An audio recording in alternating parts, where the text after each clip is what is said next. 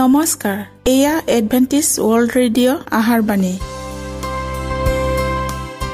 ঊনৈছ মিটাৰ বেণ্ডত পোন্ধৰ হাজাৰ পাঁচশ পঞ্চাছ কিলো হাজত। এডভেণ্টিছ ৱৰ্ল্ড ৰেডিঅ' যোগে অসমীয়া ভাষাত প্ৰচাৰিত আহাৰবাণী প্ৰত্যেক বুধবাৰ আৰু দেওবাৰ সন্ধিয়া সাত বজাত আহাৰবাণী শুনাৰ পিছত আপোনালোকৰ কিবা মন্তব্য আৰু প্ৰশ্ন থাকিলে আমালৈ এই ঠিকনাত লিখক। আমাৰ ঠিকনাটি হৈছে Adventist world radio' seven day Adventist মণ্ডলী অসম শাখা লতাকাটা বশিষ্ট গুৱাহাটী সাত আঠ এক শূন্য দুই ন।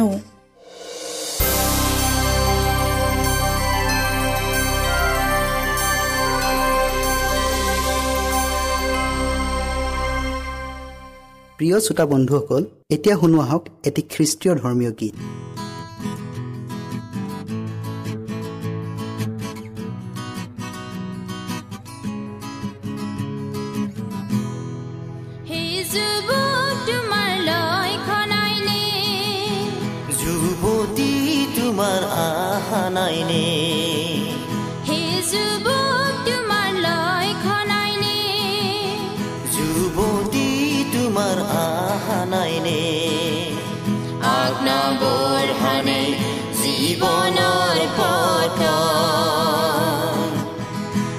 برهنه زیبانال پاتا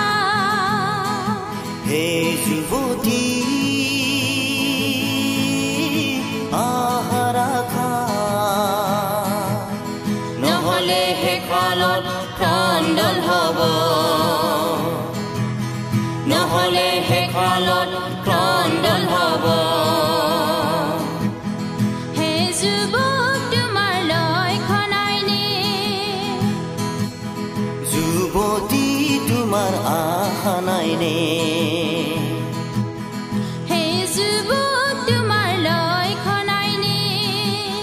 যুৱতী তোমাৰ আশা নাইনে আজ্ঞাবোৰ হানে জীৱনৰ পথ আজ্ঞাবোৰ হানে জীৱনৰ পথ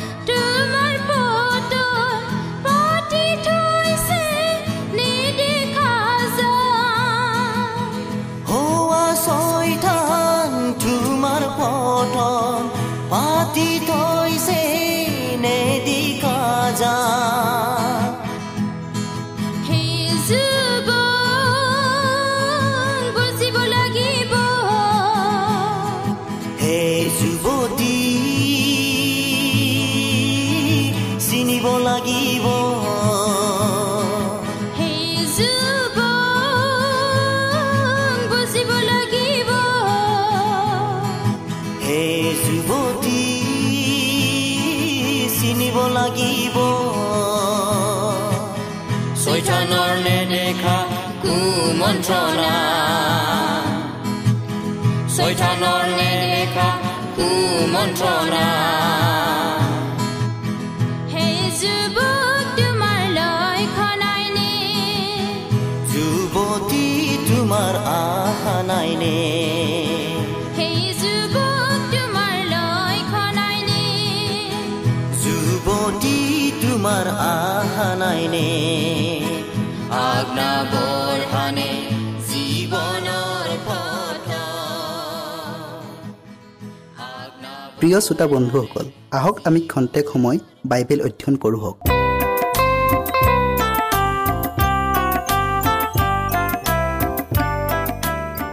প্ৰিয় শ্ৰোতাসকল নমস্কাৰ।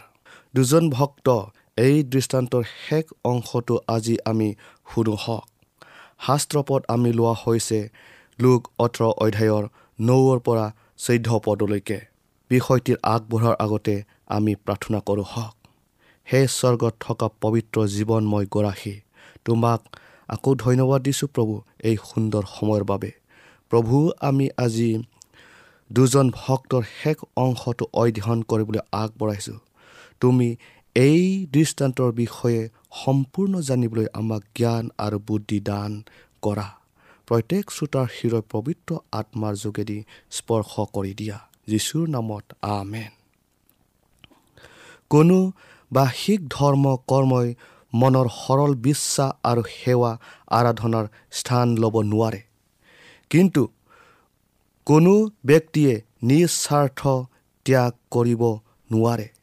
আমি কেৱল কৃষ্টৰ হকে আমাৰ হৃদয়ত কাৰ্য সিদ্ধ কৰিবলৈ সন্মতি প্ৰদান কৰিব পাৰোঁ। তেতিয়া আমি অন্তকৰণৰে সৈতে ক'ব পাৰিম হে প্ৰভু মোৰ এই হৃদয় গ্ৰহণ কৰা মই যে দিছোঁ এনে নহয় এইয়া তোমাৰে সম্পত্তি। মই তোমাৰ হৈ ইয়াক ধৰি ৰাখিব নোৱাৰোঁ এতেকে তুমি সূচী কৰি লোৱা। মোৰ অকৃষ্টীয় স্বাৰ্থপৰ স্বভাৱ আৰু আত্মিক দুৰ্বলতাৰ পৰা উদ্ধাৰ কৰা। মোক ভাঙি গঢ়াই লোৱা নিৰ্মল আৰু পবিত্ৰ পাৰিপাৰ্শ্বিক অৱস্থালৈ নি তোমাৰ প্ৰেমৰ সোঁত মোৰ হৃদয়ত প্ৰৱাসিত হওক। কৃষ্টৰ জীৱন আৰম্ভণিতেহে কেৱল স্বাৰ্থ ত্যাগ কৰিব লাগে এনে নহয়।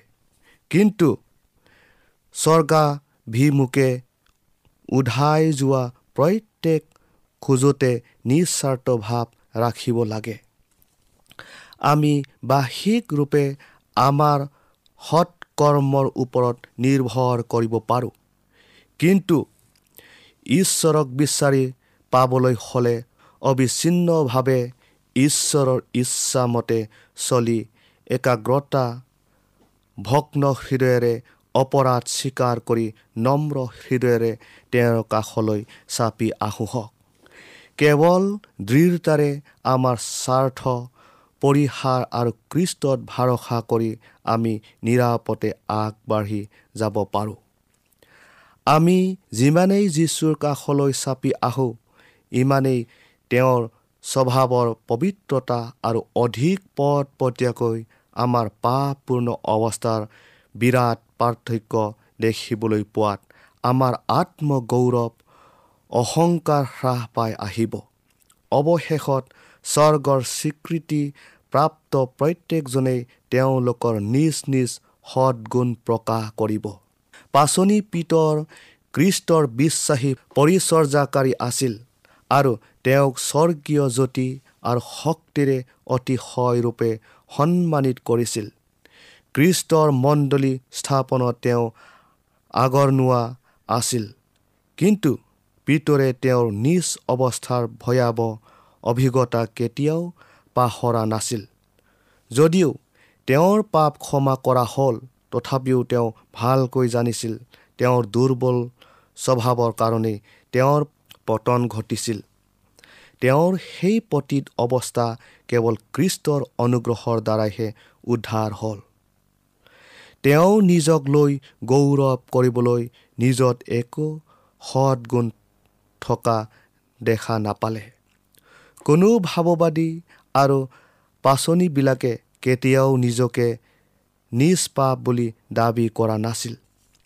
যি মানুহবিলাক ঈশ্বৰৰ সৈতে চলাচল কৰিছিল জ্ঞাতভাৱে অপকৰ্ম কৰা সলনি নিজৰ প্ৰাণ বিসৰ্জন দিবলৈকো কুণ্ঠাবোধ নকৰিছিল।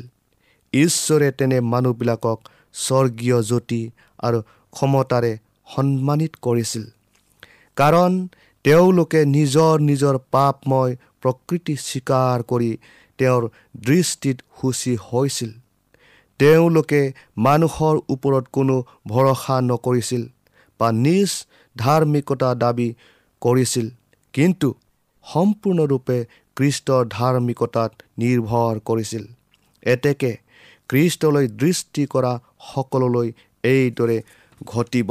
খ্ৰীষ্টীয় ভাৱাপূৰ্ণৰ প্ৰত্যেকটো ঊৰ্ধগামী খোজত আমাৰ অনুতাপ অধিক গভীৰতালৈ নিব। ঈশ্বৰে যিবিলাকৰ পাপ ক্ষমা কৰিলে যিবিলাকক নিজৰ লোক বুলি তেওঁ স্বীকৃতি দিলে তেওঁৱে কৈছে তেতিয়া তোমালোকে তোমালোকৰ কু আচৰণ আৰু মন্দ কাৰ্যবোৰ সোঁৱৰণ কৰিবা। তোমালোকৰ অপৰাধ আৰু ঘীনলগীয়া কাৰ্যৰ নিমিত্তে তোমালোকে নিজৰ দৃষ্টিত নিজকে ঘৃণাবা জিহিচকেল ছয়ত্ৰিছ অধ্যায়ৰ একত্ৰিছ পদত। তেওঁ পুনৰাই কৈছে তুমি কৰা সকলো কাৰ্যৰ নিমিত্তে মই তোমাক ক্ষমা কৰা সময়ত তুমি মনত কৰি বিৱৰ্ণ হ'বলৈ আৰু তুমি লাজ পাই তোমাৰ মুখ পুনৰাই কেতিয়াও নেমেলিবলৈ মই তোমাৰে সৈতে মোৰ নিয়মতি স্থাপন কৰিম। তাতে মই যে জিহুৱা তাক তুমি জানিবা। জিহিচকেল ষোল্ল অধ্যায়ৰ বাকষ্ঠি আৰু তেষষ্ঠি পদত। তেতিয়া আত্মগৌৰৱ কৰিবলৈ আমাৰ মুখ খোল নাখাব আৰু জানিম আমাৰ সম্পূৰ্ণতা কেৱল কৃষ্টহে। আৰু পাচনিজনৰ দৰে আমাৰো নিজৰ স্বীকাৰোক্তি এইদৰে হওক। কিয়নো মই জানো যে মোৰ অৰ্থাৎ মোৰ মাংসত উত্তমতা বা নকৰে। ৰমিঅ' সাত অধ্যায়ৰ ওঠৰ পদত কিন্তু আমাৰ প্ৰভু যীশু খ্ৰীষ্টৰ ক্ৰুচত বাজে। আন কোনো কথাত শ্লাঘা কৰা মোৰ পৰা দূৰ হওক। সেই ক্ৰুচৰ দ্বাৰাই জগতখনেই মোলৈ আৰু মই জগতখনলৈ ক্ৰুচত হত হ'লোঁ। উক্ত অভিজ্ঞতাৰ সৈতে ঐক্যতা ৰাখি এই আজ্ঞা জাৰি কৰা হৈছে। অধিককৈ ভয় আৰু কম্পনেৰে নিজ নিজ পৰিত্ৰাণ সম্পন্ন কৰা কিয়নো ঈশ্বৰে নিজৰ হিত সংকল্পৰ কাৰণে তোমালোকৰ অন্তৰত ইচ্ছা কৰা আৰু কাৰ্য সাধন কৰা। এই উভয়ৰ সাধনকৰ্তা হৈছে প্ৰিয় শ্ৰোতাসকল ঈশ্বৰে তেওঁৰ নিজ প্ৰতিজ্ঞা সিদ্ধ কৰিবলৈ অক্ষম যে ধৈৰ্যচ্যুত হয় বা তেওঁৰ দয়াৰ অভাৱ ঘটিব সেইবোৰলৈ সন্দেহ কৰিবলৈ নিষেধ কৰিছে। বৰং আপুনি খ্ৰীষ্টৰ ইচ্ছাৰ অধীনত চলিছেনে তালৈ গভীৰভাৱে চিন্তা কৰি চাওক। নহ'লে আপোনাৰ পুৰণি স্বভাৱ চৰিত্ৰ আৰু নীতি নিয়মে আপোনাৰ জীৱনক পুনৰাই নিয়ন্ত্ৰণ কৰিব। তেওঁৰ সৎ ইচ্ছাৰ বশ হৈ তেওঁৰ দৃষ্টিত সন্তোষজনক কাৰ্য কৰিবলৈ ঈশ্বৰে আপোনাৰ হৃদয়ত উৎসাহ উদগনি যোগায়। সাৱধান হওক। নহ'লে স্ব অভিমানে আপোনাৰ হৃদয় আৰু মহান জনাৰ মাজত হস্তক্ষেপ কৰিব।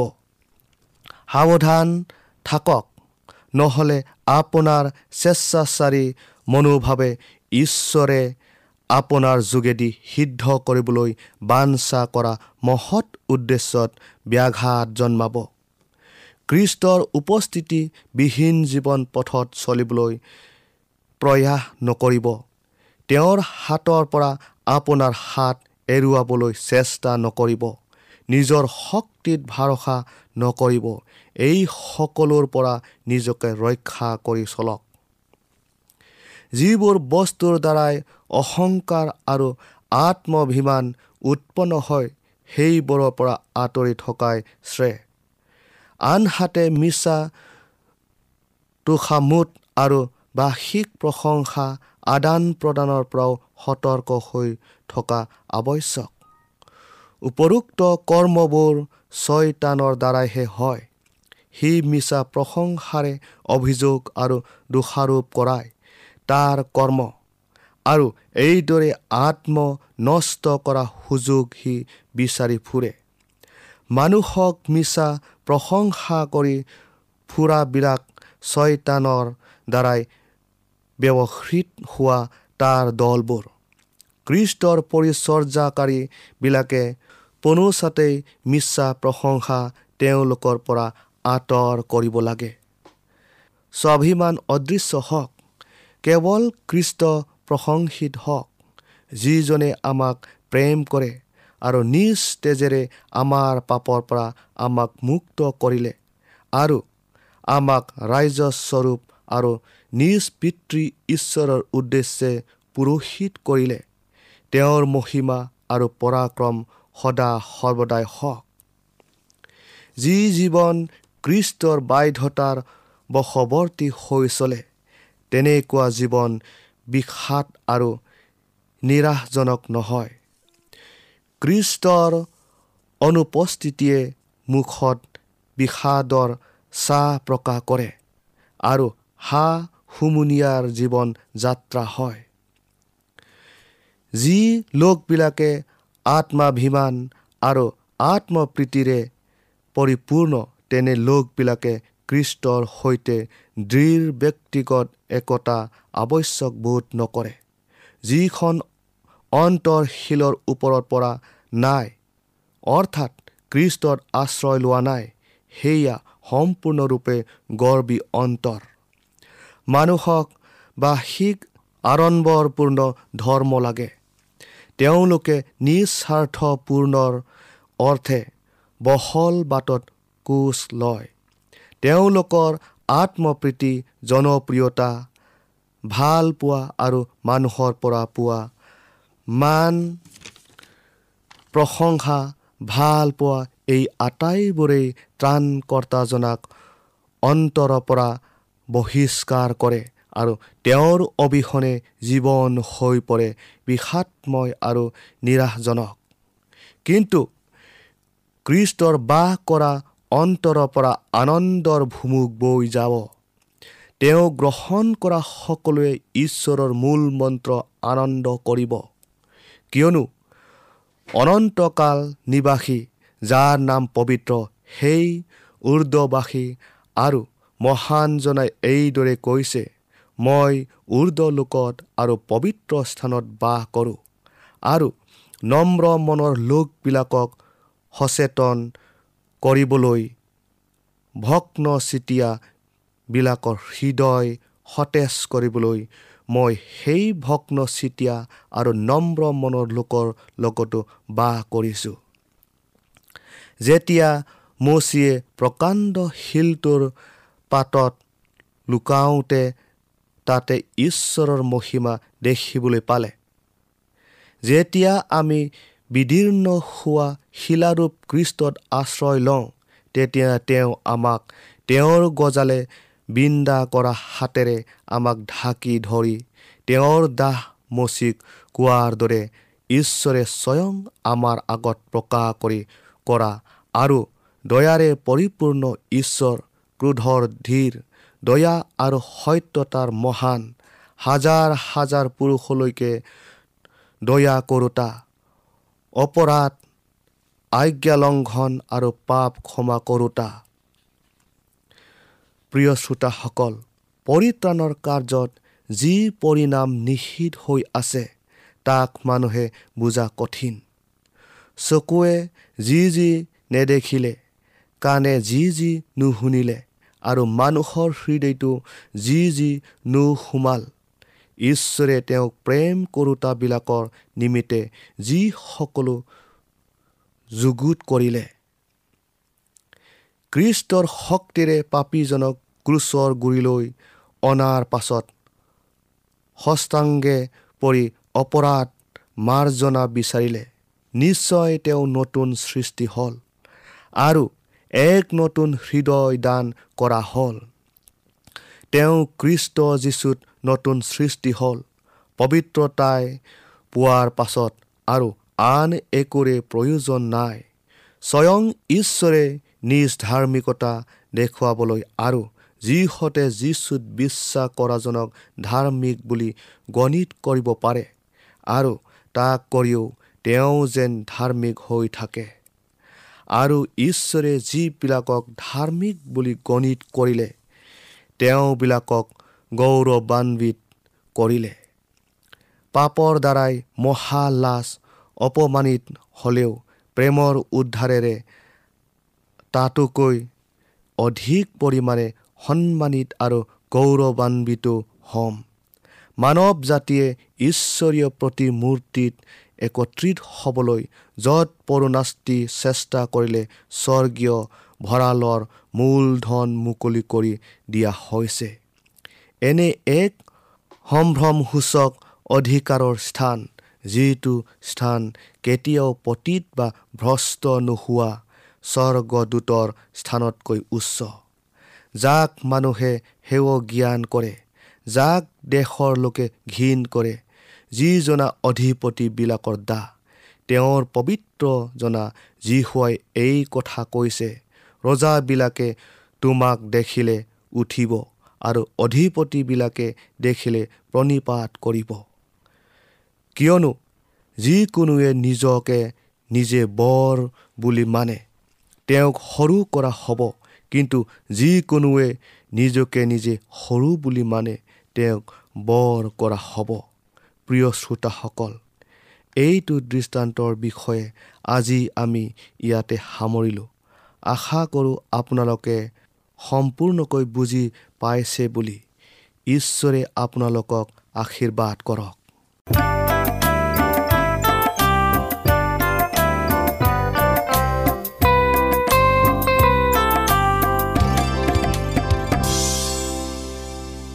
ইমানপৰে আমি বাইবেল অধ্যয়ন কৰিলোঁ এতিয়া আকৌ শুনো আহক এটি খ্ৰীষ্টীয় ধৰ্মীয় গীত।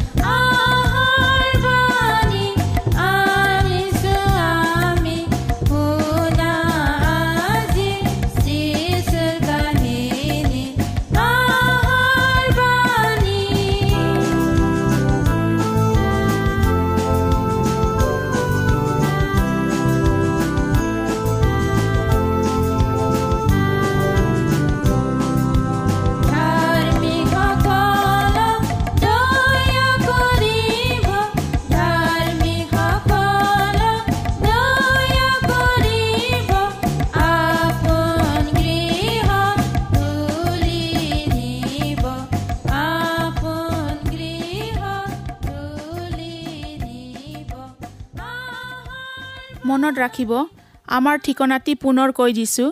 Adventist world radio' Assam region of seven day Adventist voice of hope Latakata Basistha Guwahati seven eight one zero' two nine প্ৰিয় শ্ৰোতা বন্ধুসকল এডভেণ্টিজ ৱৰ্ল্ড ৰেডিঅ' যোগে আহাৰবাণী প্ৰচাৰত আপোনালোকক পুনৰ লগ পোৱাৰ আহাৰে আজিলৈ সামৰিলোঁ। ধন্যবাদ।